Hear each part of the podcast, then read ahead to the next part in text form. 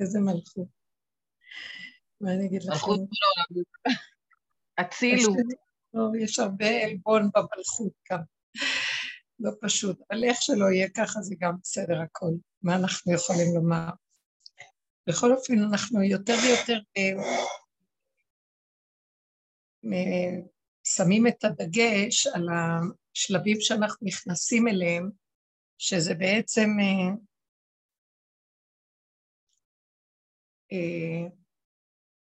המדרגה של ארץ חפץ, שיותר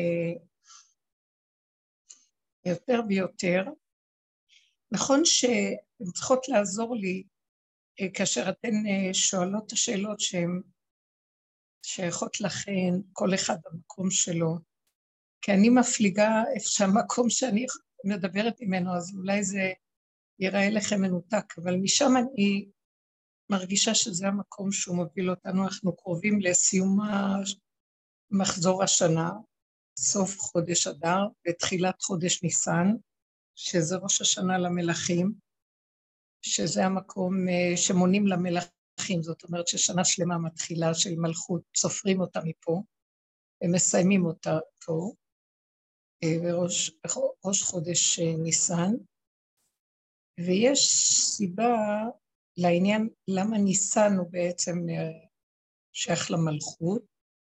המלכות אה, היא שייכת להתגלות, גילוי מלכות השם. ואם החצי שנה שאנחנו מתחילים תמיד בתשרי עד ניסן, זה זמן של כמו העיבור או הפקידה שפוקדים אותנו, וזה הזמן שהכל בשקט, החורף הוא גם, הכל כאילו מתכנס פנימה, והעבודות שנעשות זה, זה החודשים הרוחניים הראשונים, וכאילו הגרעין, נוטעים את הגרעין והוא אה, עובד, הוא מבחינת עיבור, אז בחודש ניסן הוא יוצא לפועל, הוא כאילו בתהליך הולדה, ניצנים נראו בארץ. הוא מתגלה החוצה, גילוי מלכות השם, זה גילוי, זה גילוי המלך, גילוי המושג שיש מלך לבריאה. זאת אומרת, אה, הבני אדם עובדים כל התקופה של החורף, הדרגה הפנימית שלנו. נמשיל את החורף לתקופה של העבודות הקשות של הנפש, שנכנסנו בחושך ובכל ההתבוננות וההכרה בפגמים ולקיחת אחריות על המצב שלנו, עד שהגענו לאיזה גבול שהוא כבר ריקבון הדעת בתוך הבשר, אין כוח כבר אפילו להסתכל על עצמנו, ומה שיוצא יוצא. אה, אז זה הזמן של הגילוי. זאת אומרת, תקופת העיבור, תקופת החורף, במרכאות, אה, שזה יכול לקחת הרבה שנים בעבודה, עד שאנחנו מגיעים למקום של הגילוי, אבל המקום של הגילוי זה כאילו מה שנקרא המלאכת המלכים, זה הזמן של המלאכת מלך. כאילו האדם והבריאה נגמרה בבריאתה, והאדם מתגלה ב... בסיומו של התהליך שלו, וכשהוא מתגלה, הוא ממליך. האדם הוא מלך והוא ממליך את המלך. בואו נסביר את זה. האדם בבריאה קיבל כוח מאוד מאוד גדול. בבריאות הקודמות שהיו עולמות, אה, אה, היה השם בורא עולמות ומחריבן, לא הייתה מדרגת אדם בעולמות ההם. היו יצורים שונים, שאנחנו לא יודעים מה הם, אבל הם, הם לא היו מדרגת אדם. לא הייתה בהם נשמה ש, שהשם שם בתוכם נשמה אלוקית. גם האדם מורכב הוא עולם קטן, הוא כדור קטן. יש בו את כל עשר הספירות, כל המדרגות של כל הבריאה כלולות בתוכו. יש בו את כל אה, המערכת של שבעה כוכבי הלכת וגם הכוכבים שאינם ניכרים בעין בלתי מזוינת. שלושה כוכבים מעל השבעה. הכל כדוגמת בעולם של היסוד אה, הספרות, אז זה עשר, גם פה זה עשר, רק זה בצורה היותר אורגנית, שזה שבעה כוכבי הלכת המוכרים לנו, כוכבי הלכת של כדור הארץ, וגם יש עוד שלושה כוכבים שהם אה, עליונים בלתי ניכרים אה, בעין בלתי מזוינת, וגם אותו דבר באדם, יש שבע בלוטות הפרשה אנדוקריניות, שגם מעליהם יש עוד שלוש מוסתרות, שבע ידועות ומוכרות, אה, תיירואיד, הפנקריאס, יש אדרנלין, יש בלוטות אצל האדם, וגם יש את השלוש שנמצאות בראש, כמו הטלמוס, היפוטלמוס, ההיפופיזיה, זה שלוש כאלה שנמצאות בראש, מוח, והן לא ניכרות כל כך, וזה הכל כדוגמת המצב הזה. אז האדם שנברא בבריאת בראשית, הוא כלול מהכל, יצור מושלם. והשם נתן בו נשמה אלוקית, חוץ ממה שיש בו מכוח המדגם של התוכנית של הבריאה, שזה הספירות. ואז האדם הזה, השם נתן לו כוח פנימי גדול מאוד.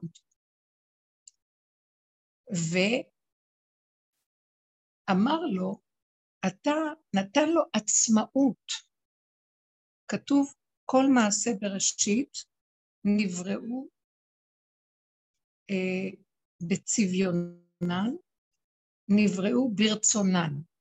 כלומר, שהשם היה בורא את מעשה בראשית, והיה שואל את היצורים מה אתה, האם אתה רוצה להיברות ובאיזה צורה.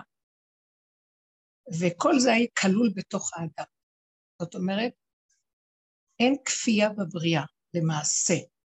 ביסוד של הבריאה יש בחירה חופשית, יש כבוד לנבראים, ובמיוחד לאדם שהוא כולל הכל. את כל הבריאה, הוא המליך עליה את האדם. שאדם הוא המלך של הבריאה. חוץ מזה, שהוא מלך, הוא נטע בו גם כן את כוח הבחירה, מה לעשות עם אותה מלכות. שימו לב, כשהאדם הראשון נוצר, נברא, אז כשהוא התעורר והוא ראה את כל הבריאה היפה שלו מסביבו, ואת כל היצורים ואת הכל, אז הוא הבין וקלט, בגלל שהנשמה הקדושה שהייתה, שיש מלך לבריאה, שיש בורא לבריאה, בוא נגיד. אז הוא קם וקרא לכל היצורים ואמר להם, כולל המלאכים, הכל. מלאכים נבראו ביום שני, והם גם חלק מהבריאה. כל כוכבי השמיים, כל השמש, ירח, כל הכוכבים, כל החיות והעופות וכל הדגים ושוכני המים, והכל, כל הבריאה, הצמחייה, הדומם, הכל ביחד. הוא קרא לכולם ואמר, אתם רואים איזו בריאה יפה? הבורא ברא לנו, בואו נמליך אותו, ושהוא יהיה המלך שלנו. הם חשבו שהוא המלך שלהם, האדם, והשתחוו לו. ואז הוא אמר להם, אני גם נברא כמוכם, אבל יש בי את היסוד של המלך, ויש לי התפעלות מאוד גדולה מכל מה שנורא מסביבי, ואני כוח הנשמה הקדושה שהייתה בו. אני רוצה לקחת את הכוח שהשם נתן לי, של המלכות, עליכם, ולהמליך בזה את השם. עד אז השם לא היה ניכר מלך, לא היה נקרא מלך, לא היה מי שיקרא לו מלך. החיות לא קראו לו מלך. עד שלא היה האדם שהכיר וזימן את כל הבריאה שחשבו שהוא המלך, ואמר להם שיש עוד מלך והוא רוצה להמליך אותו, וזה הקדוש ברוך הוא בורא העולמות, ואז הוא אמר את השיר שאנחנו אומרים ביום שישי, השם מלאך, גאות לבש, לבש השם, עוז יתעזר, אף תיכון תבל בל תימות. הוא המליך את השם, הוא קרא לו מלך. בואו נתבונן בנקודה הזאת. השם נברא עם יסוד המלך. השם ברא את האדם ונתן לו יסוד של עצמאות ובחירה, והמליך אותו על עולמו.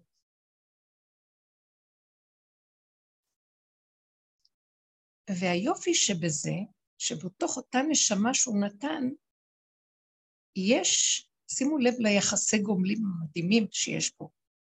יש בתוך האדם יסוד המלכות, שמכירה שיכול להיות מעליה מלך יותר גדול מאשר הוא על אלה שמתחתיו. שימו לב. אז הוא לוקח את היסוד של המלך שבו ואומר, את היסוד של המלך הזה, אני רוצה להמליך בו את מלך מלכי המלכים, הקדוש ברוך. אני נשאר בבחינת מלכות, כלי שהיסוד העליון שהוא הבורא, לא אני נותן את התואר הזה. נמצא שבעצם האדם שנתנו לו את הזכות למלוך, לוקח את המלכות, את הזכות הזאת, וממליך את השם במלכות. הוא נהיה המלכות שלו, הכלי שלו, הכיסא שלו, והוא ממליך את השם עליו. והוא קורא להשם מלך, אדון עולם, אשר מלך. כן? מתי הוא מלך? כשהוא ברא את האדם, והאדם קרא לו מלך, אז הוא נקרא מלך. אזי מלך שמו נקרא. כאשר נעשה בחפצו כל, שהוא ברא את כל הבריאה, אז קם האדם הזה והמליך את השם עליו. עד אז לא היה מי שיכיר שהשם הוא מלך. הכירו שיש לבורא, הבריאה מכירה את יסוד הבורא, אבל המלכות זה משהו אחר. להמליך את הבורא, זאת אומרת להתבטל עליו שהוא המוליך אותי, מוביל אותי, והוא איתי כל הזמן. זה נקרא מלך. זאת אומרת, שיכול להיות בורא שברא, גם עזב את הבריאה והלך לאיזה מקום. אבל כאשר אני ממליך אותו, אני מוריד אותו להיות עליי לראש, למלך. ואני מכין לו כלי שהוא ישכון בתוך. שימו לב למדרגה הזאת. חודש ניסן הוא ראש חודש להמלכה של המלכים. אז מי הוא אותו מלך שאנחנו ממליכים? נכון שיש בכדור הזה הרבה מלכים, היום זה כבר לא מצאו יסוד המלוכה, אבל הראש והראשון לכל המלכים זה המלך הזה שממליך את הבורא עליו וקורא לו מלך, שהוא מוותר על המלכות העצמית שלו בפוטנציאל ונותן אותה לבורא יתברך. אז זאת אומרת, גם קודם השם הוא חי וקיים והוא לא נזקק שייתנו לו כלום. הוא מעצמו שלם, וגם לפני שהוא ברא הוא היה שלם, וגם אחרי ככלות הכל הוא יהיה שלם. אבל האדם הכיר שכשהוא נברא, כשהוא מתגלה, קם על רגליו ונהיה אדם, הוא רוצה את הבורא הזה שיהיה איתו כל הזמן. אז את הכוח שהשם נתן לו למלוך על הבריאה, הוא בוחר בבחירתו להעביר את זה להשם, שהשם ימלוך עליו, והוא אז מולך בכל הבריאה.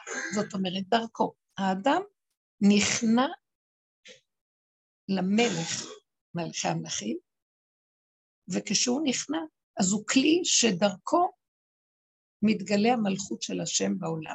ואנחנו קוראים לאותו אדם מלך, זה מלך המשיח, זה מלך דוד. היו עוד מלכים לפני דוד, היה שאול, אבל הוא לא המליך את השם לגמרי. היו מלכים שמלכו, יסוד המלכות לא התחילה עכשיו, בדוד. כתוב בפרשת וישלח, בסוף הפרשה, ואלה המלכים אשר מלכו בארץ אדום, בטרם לוך מלך בישראל. ואז הכתוב הולך ומונה שבעה מלכים, וימלוך ואחרי זה וימות, וימלוך וימות, וימלוך וימות, כל מיני שמות. והמלך השבי, השמיני, כתוב עליו וימלוך הדר, ולא כתוב עליו שהוא מת, כתוב אפילו את שם אשתו, מה שלא היה כתוב בכל המלכים האחרים. ושם אשתו, אמלוך הדר, הוא המלך השמיני, ושם אשתו מתבל בת מטרד, בת מיזהר, ולא כתוב שהוא מת. כל המלכים כתוב וימלוך וימות וימלוך וימות, ולא כתוב שם שהייתה להם אישה, בת זוג. וזה המלך השמיני, ואמרו חכמים שהמלך הזה רומז לדוד המלך, שיש לו יכולת להתקלל, הוא לא לבד, הוא יכול להתקלל, להתחבר, להכיל עוד משהו שזה לא רק הוא עם עצמו. וזה בחינה של דוד המלך, שהוא הכניע את עצמו לזולתו, והזולתו הכי גדול שהיה זה להשם יתברך, לבורא יתברך. זה שהייתה לו נקבה, זה מראה על ההתקללות. אבל הוא המליך עליו את השם. כוח של השכינה, האור האלוקי, המלכות של השם, המליכה את המציאות של מלך. שימו לב איזה דבר יפה זה. עכשיו בואו, למה אני אומרת? שימו לב איך הבריאה היפה הזאת שמדרגת אדם קיימת בבריאה, שמכיר שיש לו את הזכות להיות מלך בעצם בריאתו כאדם, והוא בוחר לתת אותה למשהו מחוצה לו, באמונה שלמה שכאשר הוא נותן לכוח האלוקי את הכוח למלוך עליו, אותו כוח שימלוך עליו, ימלוך עליו בנאמנות. אז זה בתמימות מוסר את הבחירה שלו, וגם הכוח האלוקי שקיבל את המלכות. האדם מאמין ונותן כוח באלוק, באלוקות, תנו עוז לאלוקים על ישראל שממליך אותו, גאוותו. אז אותו כוח מאמין שהוא נותן את המלכות למציאות שיש בה צדק, יושר, משפט, אמת, אהבה, תמיכה. אז הוא שמח למסור את כוח המלכות לזולתו. זאת אומרת, האדם, שהוא בעצם עם ישראל, בכלליות, קיבל את היכולת למלוך בעולם, והוא מוסר את המלכות הזאת להשם, בידיעה נאמנה שהשם שהוא ממליך אותו עליו, יספק לו את צרכיו, ישמור עליו, יושיב אותו לבטח בארץ נושבת, ולא יחסר לו דבר. וכך צריך היה באמת להיות. והשם יתברך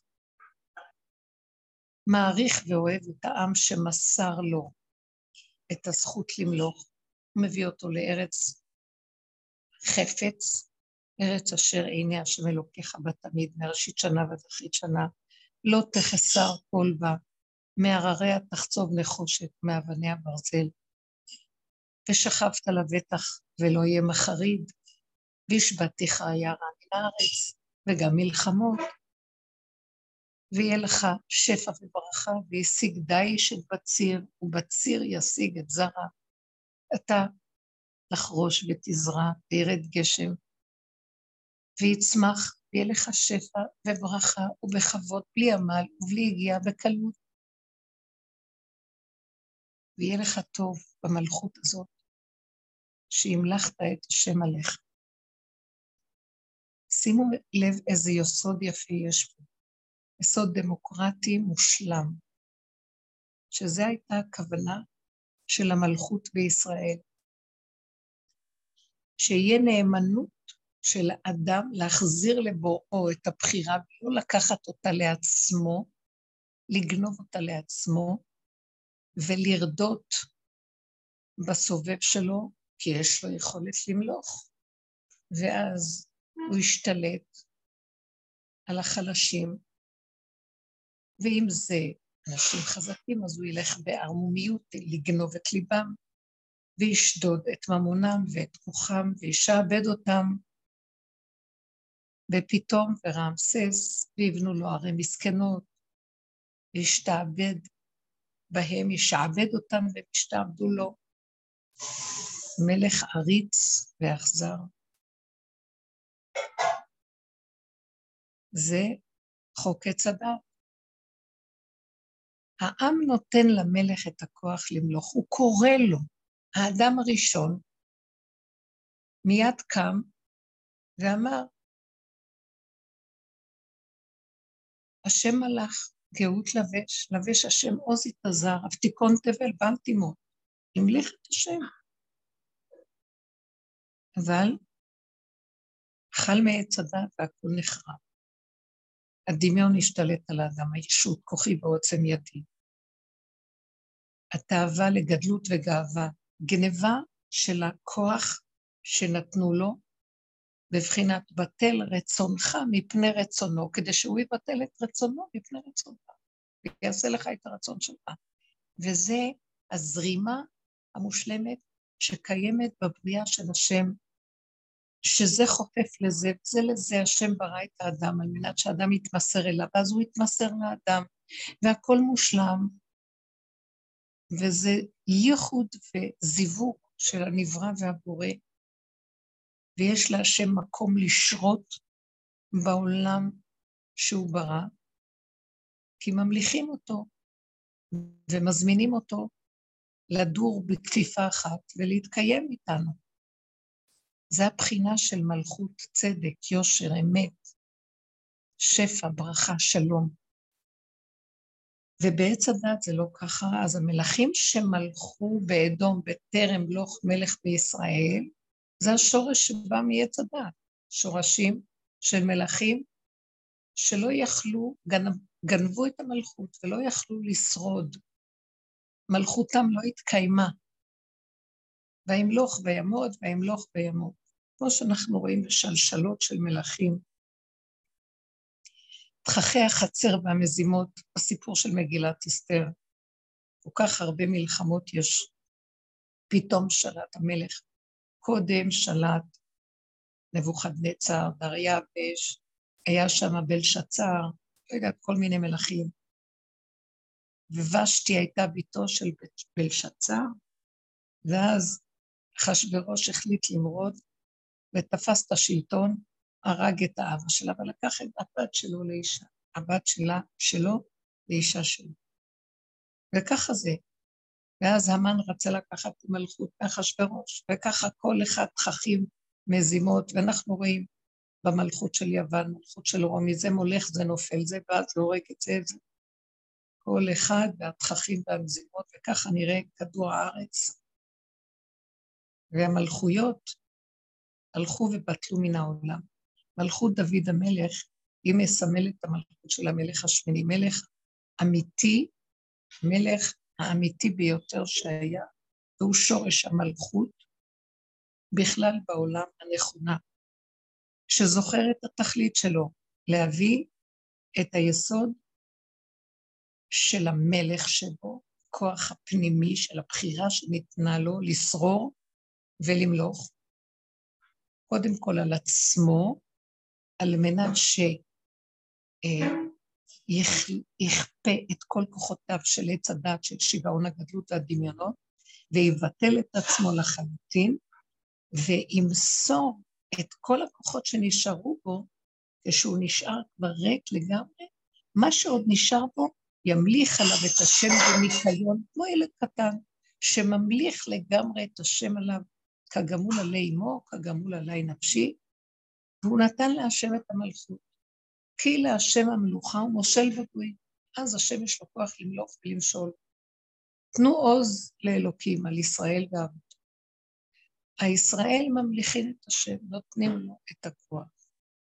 וזה היסוד של המלכות שמתגלה בחודש ניסן, מלכות, אנחנו מקווים, מלכות בית דוד, מלכות משיח, שהוא גם כן יסוד של אדם שיש לו יושר, אמת, ניקיון פנימי, ביטול והכנעה מוחלטת. עשה את עצמו כלי גולם מוחלט. ומסר את כל הכוחות שיש בו. הוא אדם, לפי הרמב"ם, הוא אדם ככל אדם, שעבר מדרגות על מדרגות ועבודות על עבודות, וכל כולו כלי מוחלט להשם, על מנת שיהיה להשם מקום לדור פה ולהתגלות בתפארתו עלי אדמות, כי זה תכלית הבריאה. שיתאווה הקדוש ברוך הוא, שיהיה לו כלי פה, שהוא יוכל להתגורר פה, שיהיה לו נציגות בתוך העולם הנמוך, ואז הוא מחבר מראש העולמות, מלכות או אינסוף, עד סוף העולמות שזה נמצא פה.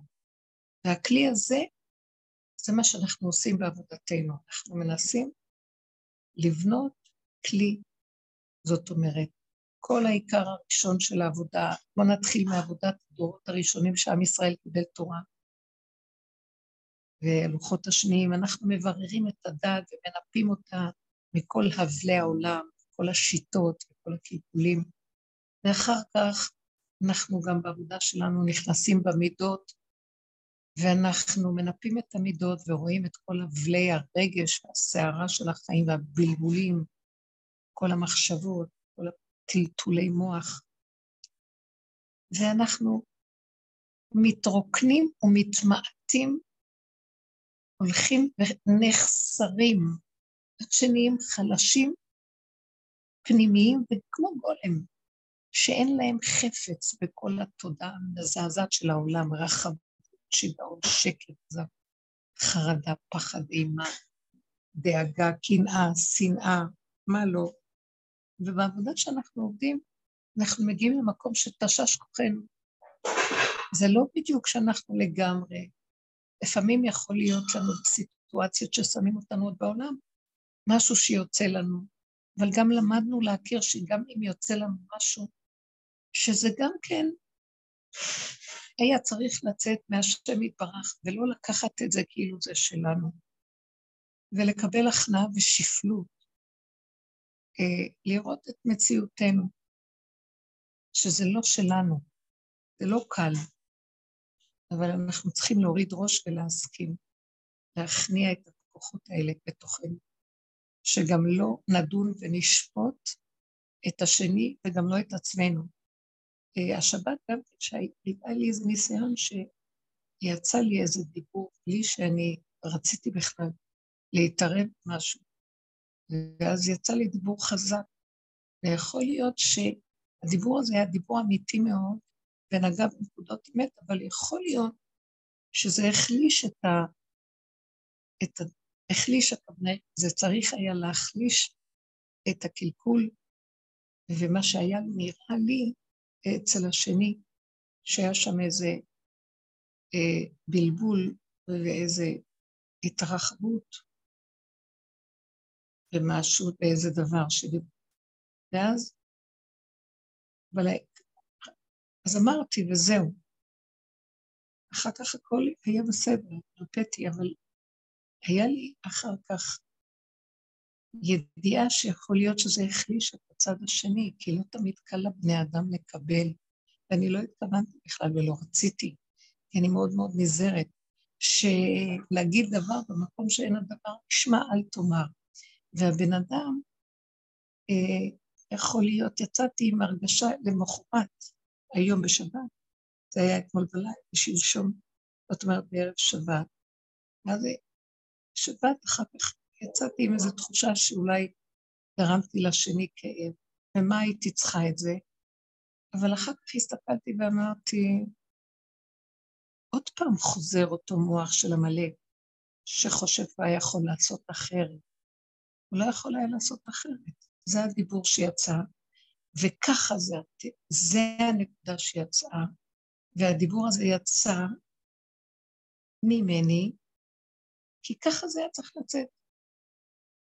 זה לא היה מצב של ביקורת, זה היה מצב של דיבור שרצה להחזיר את השני, כאילו הלך לכיוון, התרחבות לכיוון לא נכון. אז הדיבור הזה כאילו עצר אותו. הוא לא עצר אותו שלא ידבר, הציע לו, הוא הציע לו איזו נקודה שלא כדאי לו להתרחב. וזה היה נשמע כאילו חזק, אולי זה פגע. אז כשאני,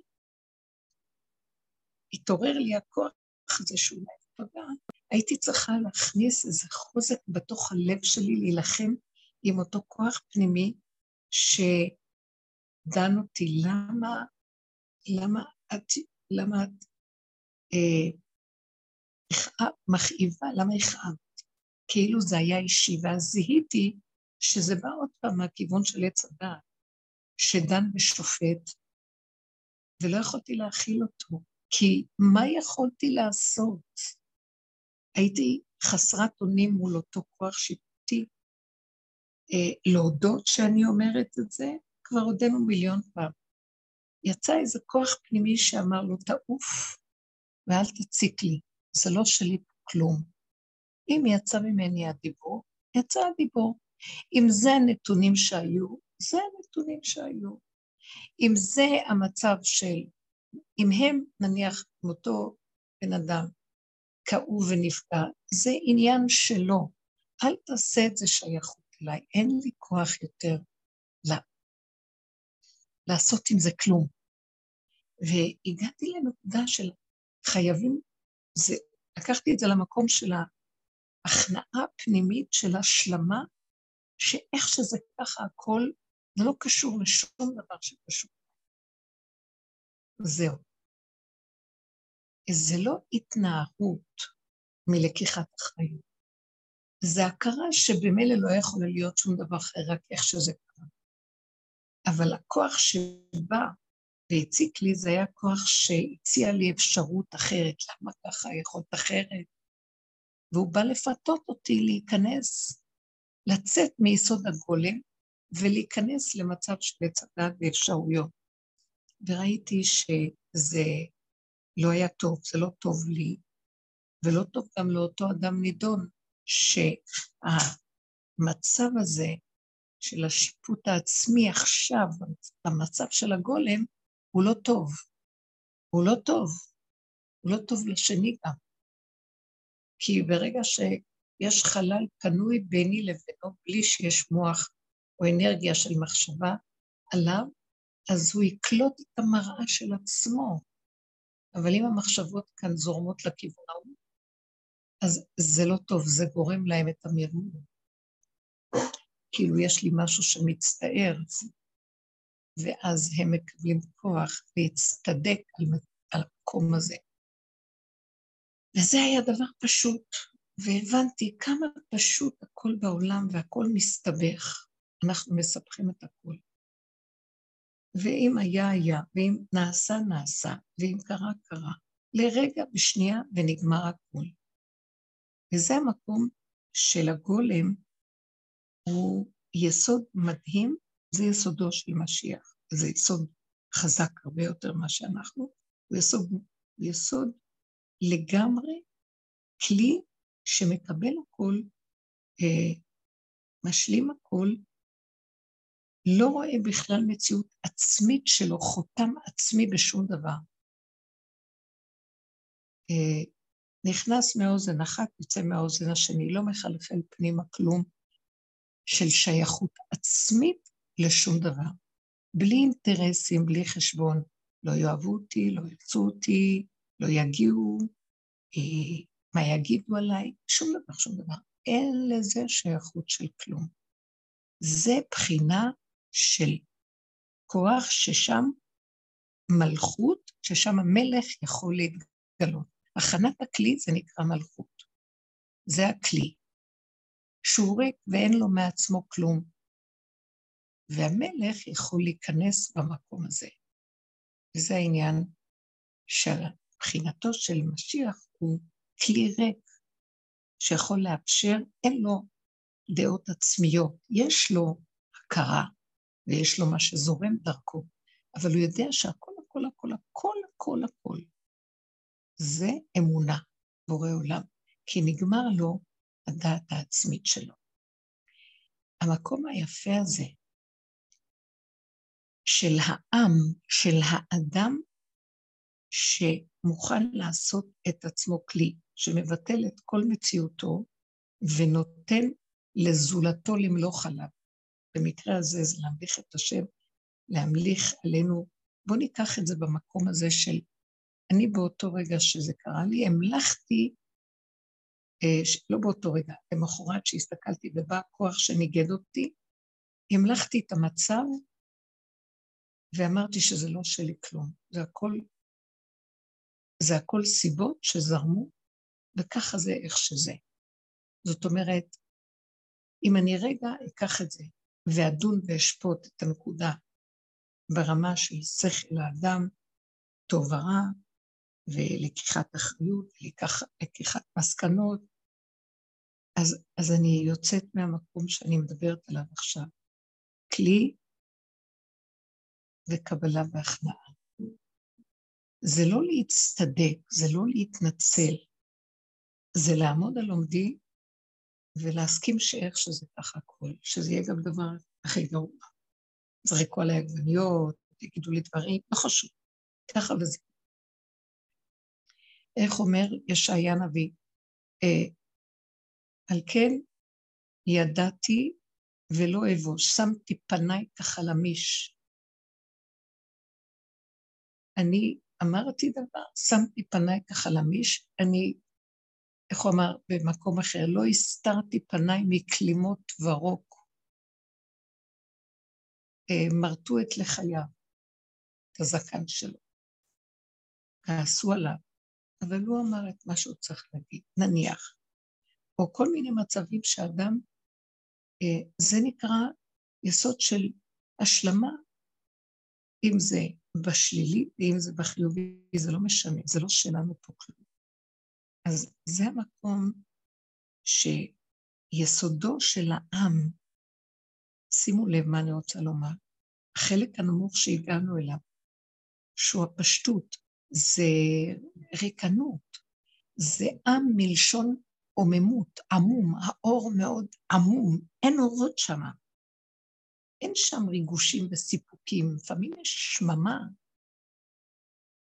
אבל מאחר והמוח חוזר לנשימה כל רגע, אז לא מרגישים את השממה כמו שזה בעץ הדעת, שהרשים הוא מאוד קשה, ואז השממה קשה להכיל אותה. זה כאילו אנחנו חיים את הנשימה, ועוד רגע, ועוד רגע, אז לא מרגישים את השממה, היא לא קשה, אבל זה שממה. זה לא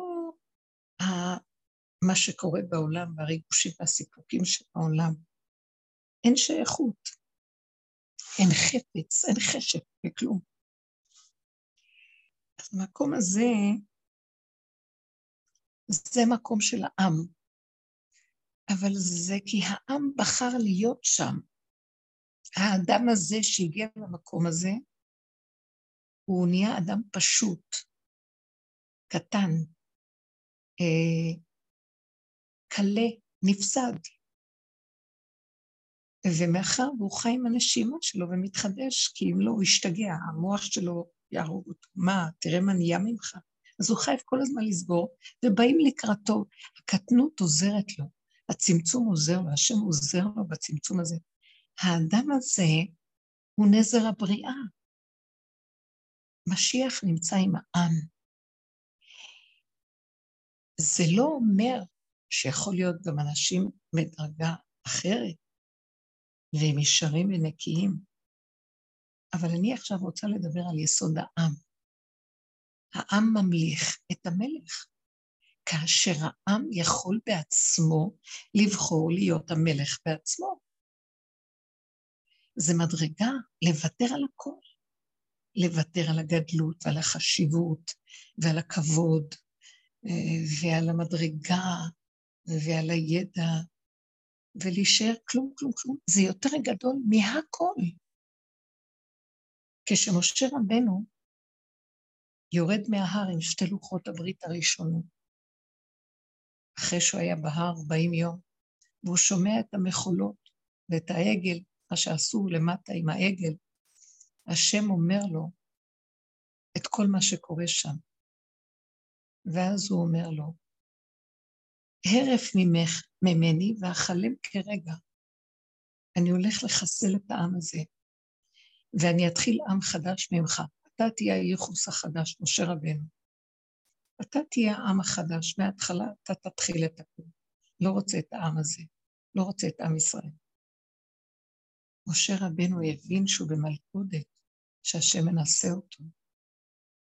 כי זה העם שהשם בחר, מבחינת אדם הראשון, כי אדם הראשון סרח, אכל מעץ הדעת.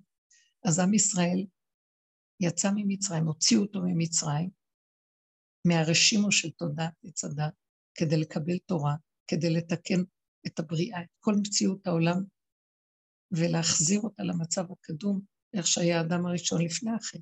ועכשיו הוא מבין שהעם הזה, יש בו את השורש יותר גדול ממנו, כי עליו עובד הכל, הוא רק השליח של העם מול השם. הוא לא משה רבינו הגדול, מוישה גרויס, לא. הוא משה רבנו שליח פשוט של העם. ואם לא יהיה עם, לא יהיה משה רבנו. ולרגע הוא אומר, אבל השם אומר לי, הוא יתחיל את הכל ממני. להבדיל, כמו המן, שהמלך אומר לו, כשהוא בא בבוקר מוקדם, להגיד לאחשוורוש לתלות את מרדכי. אז המלך נדדה שנתו בלילה, והוא הוציאו את ספרי הזיכרונות, והוא רואה שמרדכי יהודי הציל אותו מאיזה קונספירציה שרצו להרוג אותו, קטן ותרש, שתי שרים.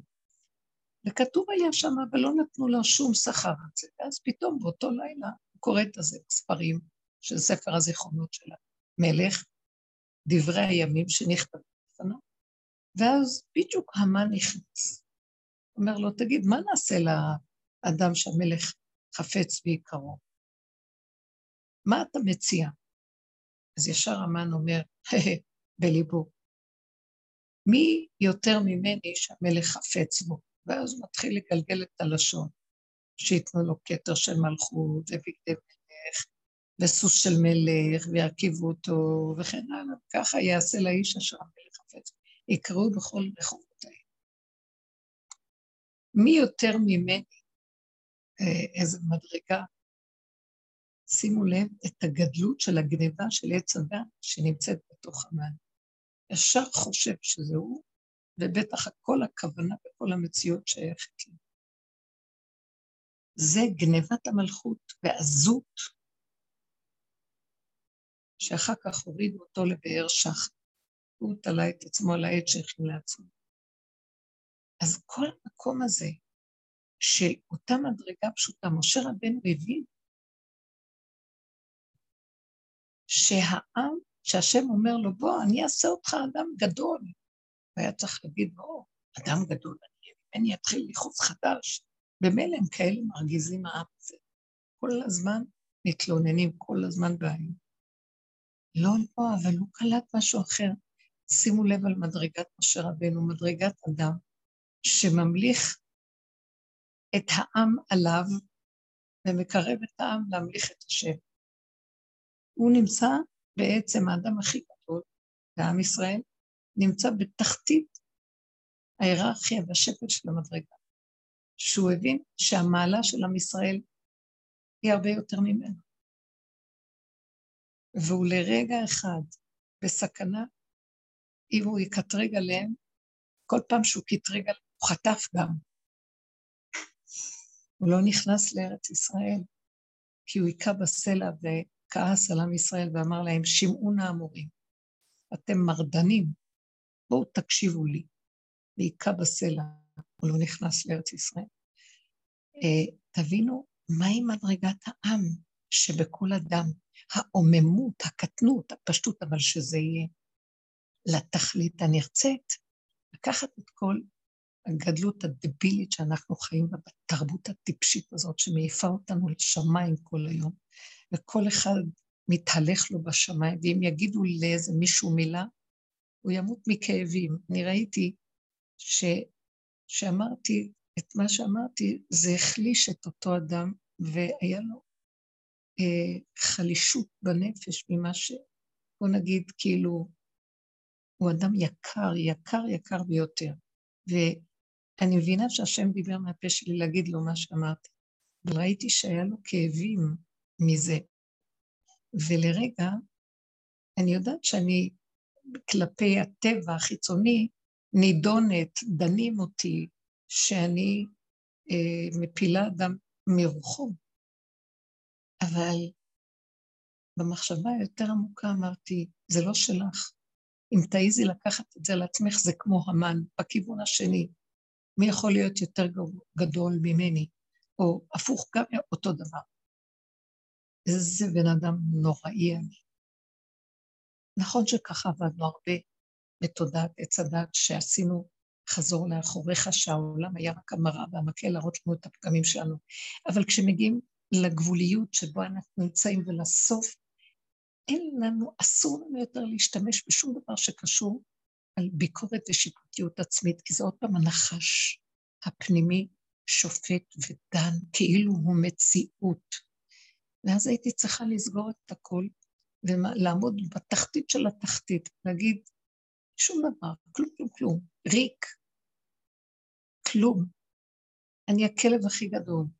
אני, ה, אני בעצמי היסוד הכי גרוע שיכול להיות, שאיך אתה השתבח שלך לדרכי, פותח את הפה ונותן דרכי להגיד למישהו אחר כאילו איזה משהו, מי אני בכלל? ובכל אופן, אני לא יכולה להגיד להשם כי ככה הוא בחר, שיעשה מה שהוא רוצה. אז שיקח את השפל ביותר ודרכו יעשה, שיקח את הגנב הכי גדול, שיקח את הקרימינל, שיקח את הרשע הכי גדול, ודרכו ידבר. מה אכפת לי? וזה לא היה לי קל, כי לרגע התחלתי לדון ולשפוט את עצמי. ואז ראיתי שאני בסכנה, כי כשאני אשפוט את עצמי, הכאבים יתחילו ואני אתחיל לפתוח תיבת פנדורה של עבודה. אין לי כוח לעשות שום עבודות יותר. ואז גם הם, אותו אדם, אה, יתחיל להרגיש מסכנות ורחמנות עצמית מעצם מחשבות החרטה שלי, ולא רציתי להיכנס במהלך הזה, זה כבר לא שם. אין חרטה ואין התנצלות ואין התנצחות. אם הם ירצו שאני אגיד סליחה, אני אגיד סליחה. אבל אני לא... זה בפנים צריך להיות. הייתי צריכה לנגוע במדרגה של כלום, כלום, כלום. כסיל שאין לו כלום מעצמו, כלום. עוממות, ככה וזהו. זה רווח, זה, זה המקום. שאני מדברת עליו. וכמו שאומר הנביא ישעיה, שאמרתי בכל מיני מקומות, שלא הסתרתי פניי מכלימות ורוק, הרבה ביזיונות. דוד המלך אמר, חרפה שמרה ליבי. קיבל מלא ביזיונות, כי השם הוציא ממנו דיבורים וכל מיני דברים שהוא לא רצה להגיד, אבל השם הוציא דם. והיו לו ביזיונות. ככה מלך ישראל נראה. איך אמרה מיכל כשהיא ראתה אותו מחרקר ומחרקס, מפרקס בכל עוז, רוקד לפני ארון השם שהעלו אותו מהפלישתים. מה נקלה מלך ישראל לעיני המהותיו ועבדיו? תראה איך אתה נראה, כמו איזה ריק, רוקד כמו משוגע מולם, ננח. אתה מלך ישראל, ככה מתנהג מלך ישראל? תקשיבו, היו לו המון ביזיונות, היא ביזתה אותו. הוא אמר לה שאני מתכבד בזה שהייתי נקלה. כדי להיות לפני השם צריך להיות נקלים, מבוזים. הוא לקח את הביזיון הזה והשתמש בו. להשפיל ולהכניע את הנקודה של הישות שלו, שתתנצל ותצטער ותצטדק למה הוא רק. וזאת עבודה פנימית, זאת עבודה דקה, להישאר ריק, בלי כלום, בלי שיפוטיות, בלי ביקורת, בלי התנצלות, בלי הצטדקות, בלי חרטה. לא מתחרטים על כלום, למה? כי אם אני מתחרט, זאת אומרת שיכולתי לעשות אחרת. זה בתודעת עץ הדת, שאדם יש לו עוד ישות, הוא חושב שיכול לעשות משהו אחר. אבל פה אין מה לעשות. ככה זה וזהו, זה גולם דפוק, מה שלא יעשה. רגע אחד יוציאו ממנו משהו. טוב, תשתוק. לא יכולתי גם לשתוק. לא יכולתי כלום. זה מה שהיה. אז יעלבו, ייפגעו, יסגרו תיק, ילכו להם. מה אני יכולה לעשות? לא לזה התכוונתי. אבל אתה, השם יודע, ואתה מסדר את הכל. וכמו שעשית ככה, אתה גם תעשה איך שצריך, מה שצריך. אז מי שקשור עם השם יתברך, אסור לו לחשבן שום מהלכים של בני אדם. תני לו להיכנס לתמונה, תן לו למלוך במלכותו, תן לו לנהל אותך איך שאתה רוצה, איך שהוא רוצה. זה מה שאני, זה, זה. וזה המקום שהוא מכין את הכלי. משה רבנו ראה את הגדלות של העוממות. שימו לב, לקחו את האורות לדוד המלך. אז הוא יכול לדבר שטויות גם. הוא יכול גם להתנהג ככה, בלי חשבונות, עם שכל שיודע, כמו המן, שהוא שכל עמומי וקר ומחשבן ומשחק.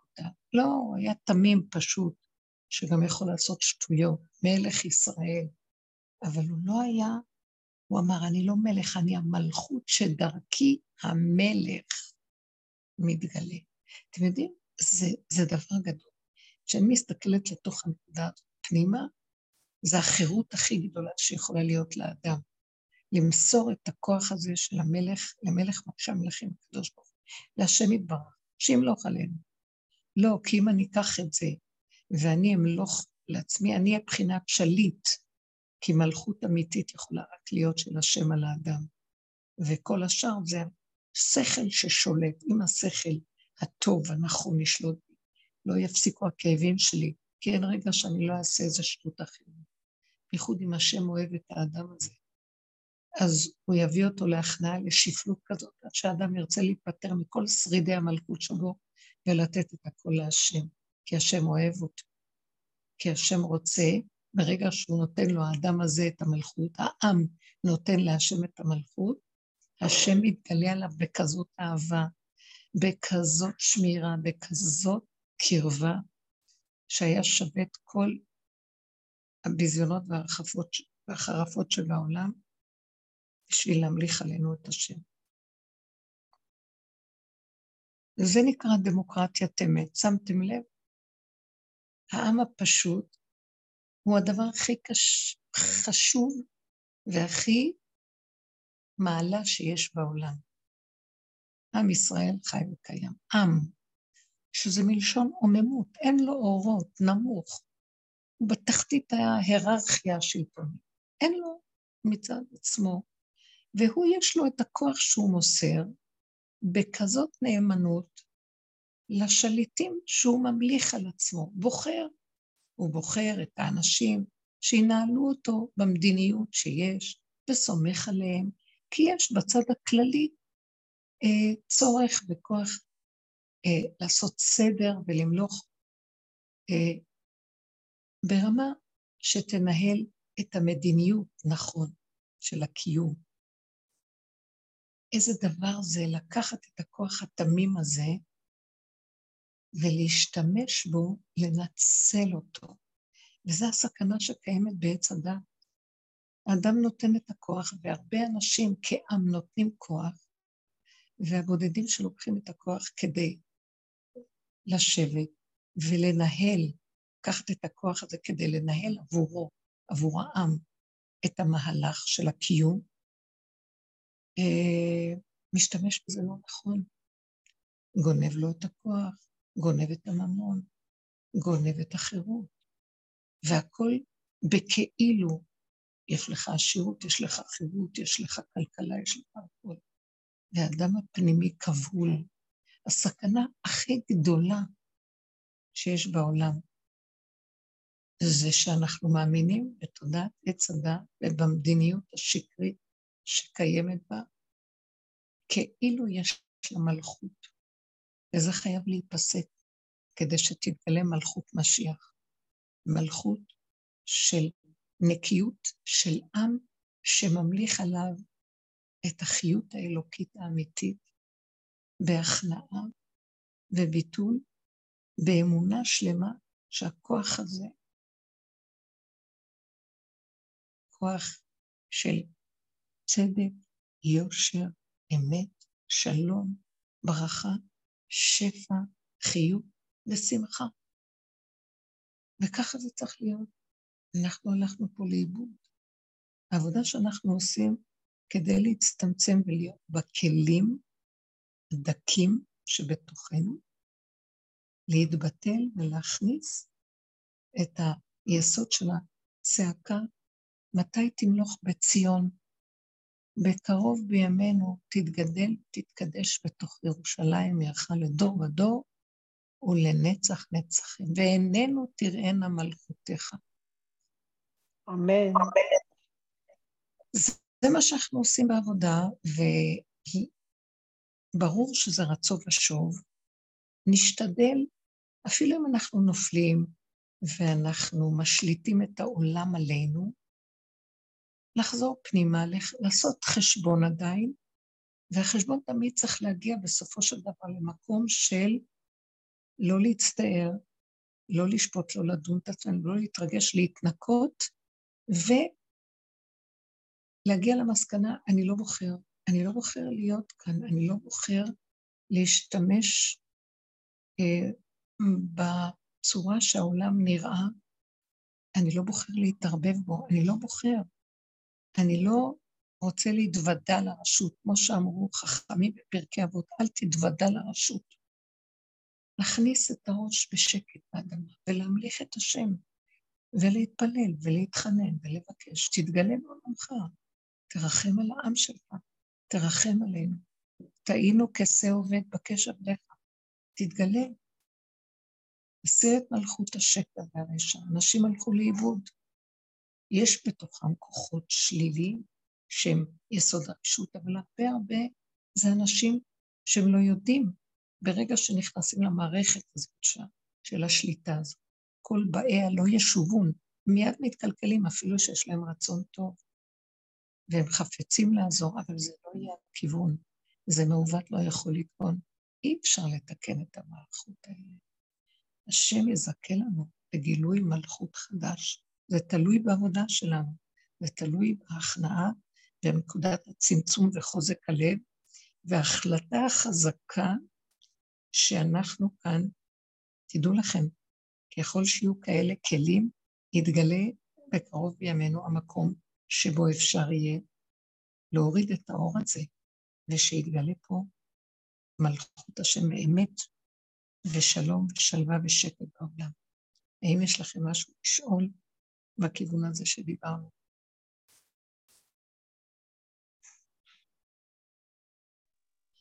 שבוע טוב. שבוע טוב. אה, לכולם. תמיד יש לי שאלות. לא חייב, לא חייב. אני אעשה. דיברת על ההתקללות, ואני לא, לא יודעת כל כך מה זה אומר. איפה זה נכנס בעבודה שלנו, במה להתקלל, עם, עם מי, אני לא מבינה מה זה אומר התקללות. אני אגיד לך, התקללות זה אומר להוריד ראש. זה, זה, בהתחלה אנחנו משתמשים בזה לכל מה שסובב אותנו. זה לא להיות עקשן, זה לא להיות מרדן, זה לא להיות נגד, ויש לנו את התכונות האלה בתוכנו. ואנחנו חייבים, לעבודות הראשונות שהיינו עושים, ועדיין, עד היום, לשתוק, לא לענות, לא להתווכח, גם כשאנחנו רוצים להתווכח ולענות ובטוחים בצדקתנו, החלקים הראשונים של העבודה היה לחזור וכן להסתכל ולשפוט את עצמנו ולראות שהיינו עוד בעץ הדת, שאנחנו כל הזמן אה, מתנגדים, שאנחנו מתווכחים, שאנחנו מתנצחים, שיש לנו כוחנות, שאנחנו לא פועלים מתוך המקום שהשם מדבר מגרוננו, אז אין טענה, כמו שדיברתי על הקצה, שאדם מגיע לקצה, אז נגמר לו כבר הכוח השיפוטי. אבל עוד בתהליך יש לאדם הרבה כוחות, כוחנות, וזה מונע ממנו להתקלל. הוא לא משתלב עם הסובב. ואדם צריך, בוא נגיד שהוא עשה את כל מה שהוא רק יכול, ועדיין נשאר בו הכוח הזה, שהוא לא יכול להתקלל, אז הוא צריך להודות בזה מול השם ולהגיד לו, אבא, יש לי כזה כוח של מרדות פנימית ועזות וכוחנות, שזה כבר גדול מכוחותיי לתקן בכלל. עצם שאני מכיר את זה, אז אני מבקש ממך שתיכנס בתוכי, וברחמים תכניע את זה שזה לא יהיה שלי. תיקח את זה אתה, כי לך היא אתה המלכות, רק אתה דן יחידי. מה זה דן יחידי? קדוש ברוך הוא, תמיד בבית דין אסור לקבל עדות, על פי שניים עדים צריך. אי אפשר לקחת עדות יחיד, צריך עוד אחד. וכתוב על הקדוש ברוך הוא שהוא כן יכול, הוא השם דן עדות יחיד. אז השם הוא אחד, אבל הוא אחד שמתקלל בכל, כי הוא כל כך ענב. נזכרתי שבעלון השם שם לי להסתכל ולראות שהתהליך היפה הזה, הדמוקרטי במרכאות, שהשם נתן לאדם את כוחו, כדי שהוא, האדם יחזיר לו את זה, בבחירה ימליך אותו. זאת אומרת, שהשם נתן לאדם את המלכות, כוח המלכות, על מנת, בתקווה, שהאדם לא יגנוב את המלכות לעצמו וימליך את השם עליו. אז השם נתן לי התבוננות וראיתי, תראו איזה ענב השם, שהוא נתן לנו כוח כזה גדול, ואנחנו אמנם מחזירים לו, אבל הוא גם מסתתר מאוד. השם יושב בסתר עליון, מסתתר, אנחנו לא יודעים מי הוא, לא יודעים מה הוא.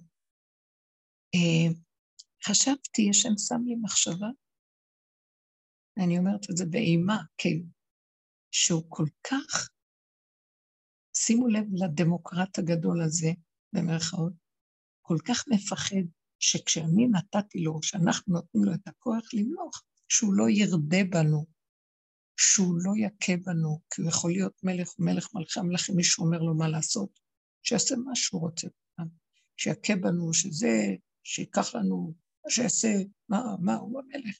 כל כך מפחד, במרכאות, כאילו, שהכוח שלו לא ישלוט מדי, האור שלו לא ישלוט מדי באדם, אז הוא מסתתר, שמתם לב? מרוב ענווה שלא נעים לו שהאדם, הוא לא מראה את עצמו, הנה אני המלך. הוא מסתתר, הוא מלך שמסתתר. מלך שמסתיר את כוחו. איזה גדלות. שימו לב, העם מסתיר, מוסר את היכולת שלו למלוך להשם, מוותר על המלכות, והשם מוותר על הגדלות החיצונית שכולם יכירו שהוא מלך.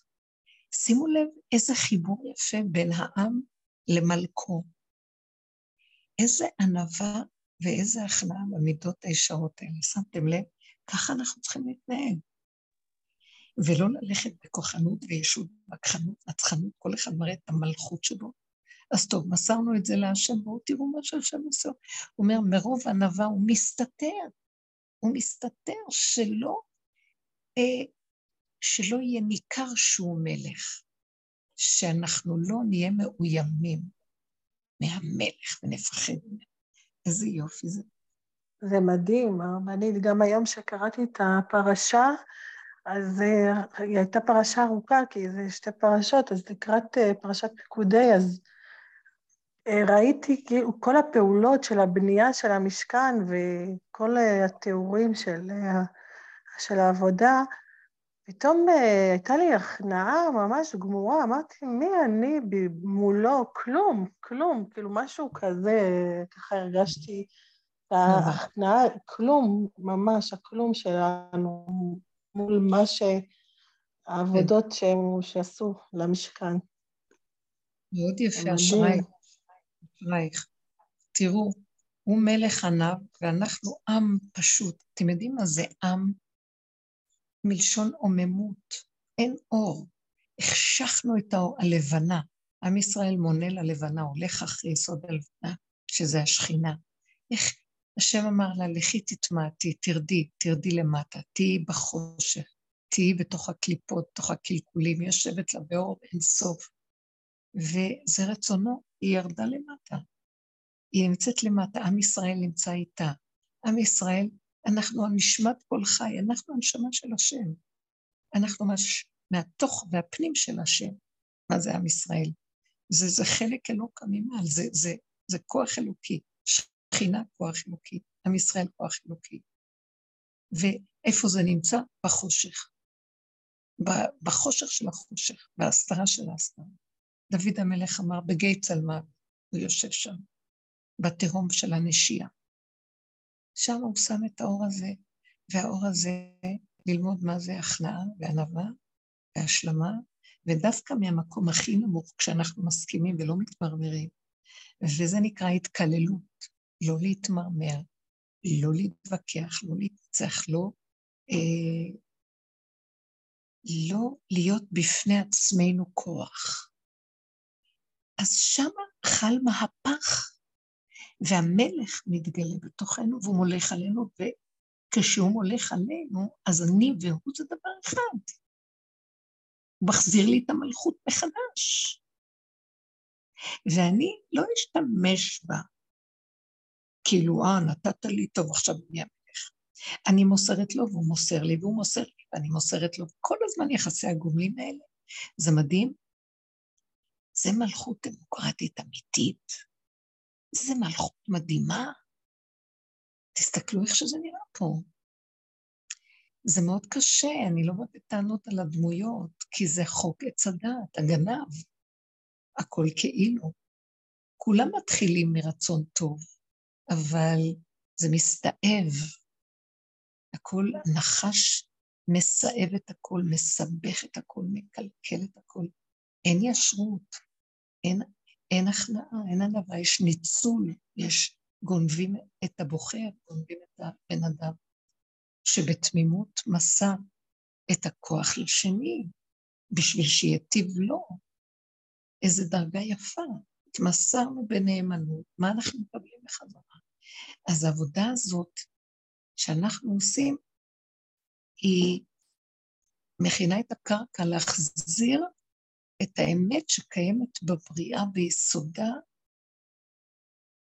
להחזיר אותה, להחזיר עטרה ליושנה, שתתגלה מלכות השם באמת. אנחנו חייבים לתת לו את המלך, אנחנו ממליכים אותו. וקודם כל העבודה הגדולה שעשינו, קודם כל לפרק את כל עץ הדת הזה, שבתוכנו, לא את הכל, אבל כל פעם עוד חתיכה, עוד חתיכה, שהוא מכסה את האפשרות של להיות כלי של השם, כי הוא גונב לנו את הכוחות, הוא שודד אותנו, הוא מרמה אותנו, הוא מכעיס אותנו, משניא אותנו, הוא, נות... הוא עושה לנו תחושות כוח וישות, ואנחנו לא יכולים להיכנע ולהתקלל. אתם לא מבינים איזה עבודה מדהימה זאת. יש לי הכרת הטוב מאוד גדולה לזכות להיכנס בדרך הזאת, והלוואי, לבקש מהשם הרחמים שילווה אותנו עד לתכלית שלה, שלא נעצור באמצע, אלא נגמור את המסעות וניכנס לארץ חפץ, ארץ גילוי השכינה, שהיא, כשיש מלכות ויש שכינה, יורד האור הקדוש העליון אור הגנוז, ויש התקללות מדהימה, וזה יסוד הגאולה. והלוואי ונזכה למקום הזה. ניתן את היסוד של העבודה שלנו. שימו לב, ההתקללות, כמו שיש לה דרגות, כאילו הכנעה, הסכמה, השלמה, שימו לב איזה דוגמה השם שם לי לתת לכם. שאני הצעתי, כאילו יש לי מה להגיד למישהו אחר, וכאילו נשמעתי שתשמע, זאת נקודת האמת, וכאילו אני מתנשאת, אז מה תהיה עבודת ההכנעה שלי פה? שאם זה יצא ממני, אז ככה זה. שימו לב, איזה, באותו רגע מתבטל כל, אם היה איזה נקודת אישות או משהו, היא גם מתבטלת, כי אני לא אתן לזה כוח לדון ולשפוט אותי, כי זה כלום שבכלום, כי אין לי כוח לזה, אני לא אכניס את זה, והוא ינסה גם למקום הזה שלא הרגשתי שזה שייך לי, להיכנס ולהפיל אותי, ולגרום לי צער, ולשפוט ולדון אותי, ולעשות לי עוד פעם מלחמת ישות פנימית עם עצמי. אז שימו לב למדרגות של ההכנעה. גם במקום הזה, להיכנע לאיך שהיה, כי ככה זה היה, וזה לא קשור אליי כלום. איזה דרגות של דרגות של דרגות של הכנעה. ואם ישנה הכנעה שהיא בפסיביות ובביטול, אז יש דוגמה כזאת של הכנעה, שהיא לא נראית הכנעה, אבל הרגע האחרי חייב להיכנע גם לזה, ולא לתת שום ראש משום כיוון שירים ויגנוב באיזושהי צורה את המלכות, באצבע מאשימה ובחרטה. וזה המדרגות של ההתבוננות, להגיע למקום של השלמה על השלמה על השלמה, כי להשם המלוכה ומושל בגויים, ועלו מושיעים בהר ציון, לשפוט את הר עשיו, והייתה לה השם המלוכה, והיה השם למלך על כל הארץ, ביום ההוא יהיה השם אחד ושמו אחד. אמן כן יהי רצון במהרה. אמן. תודה רבה לכם, וכל האיש את רעהו יעזור, ונחזיק חזק חזק, עם לב חזק ועוצמה לכיוון המועיל של להכליע את כל המציאות הזאת, להכין כלי לגילוי מלכותו ידבר. תודה רבה לכם. שבוע. תודה רבה. שבוע טוב. כל טוב. תודה.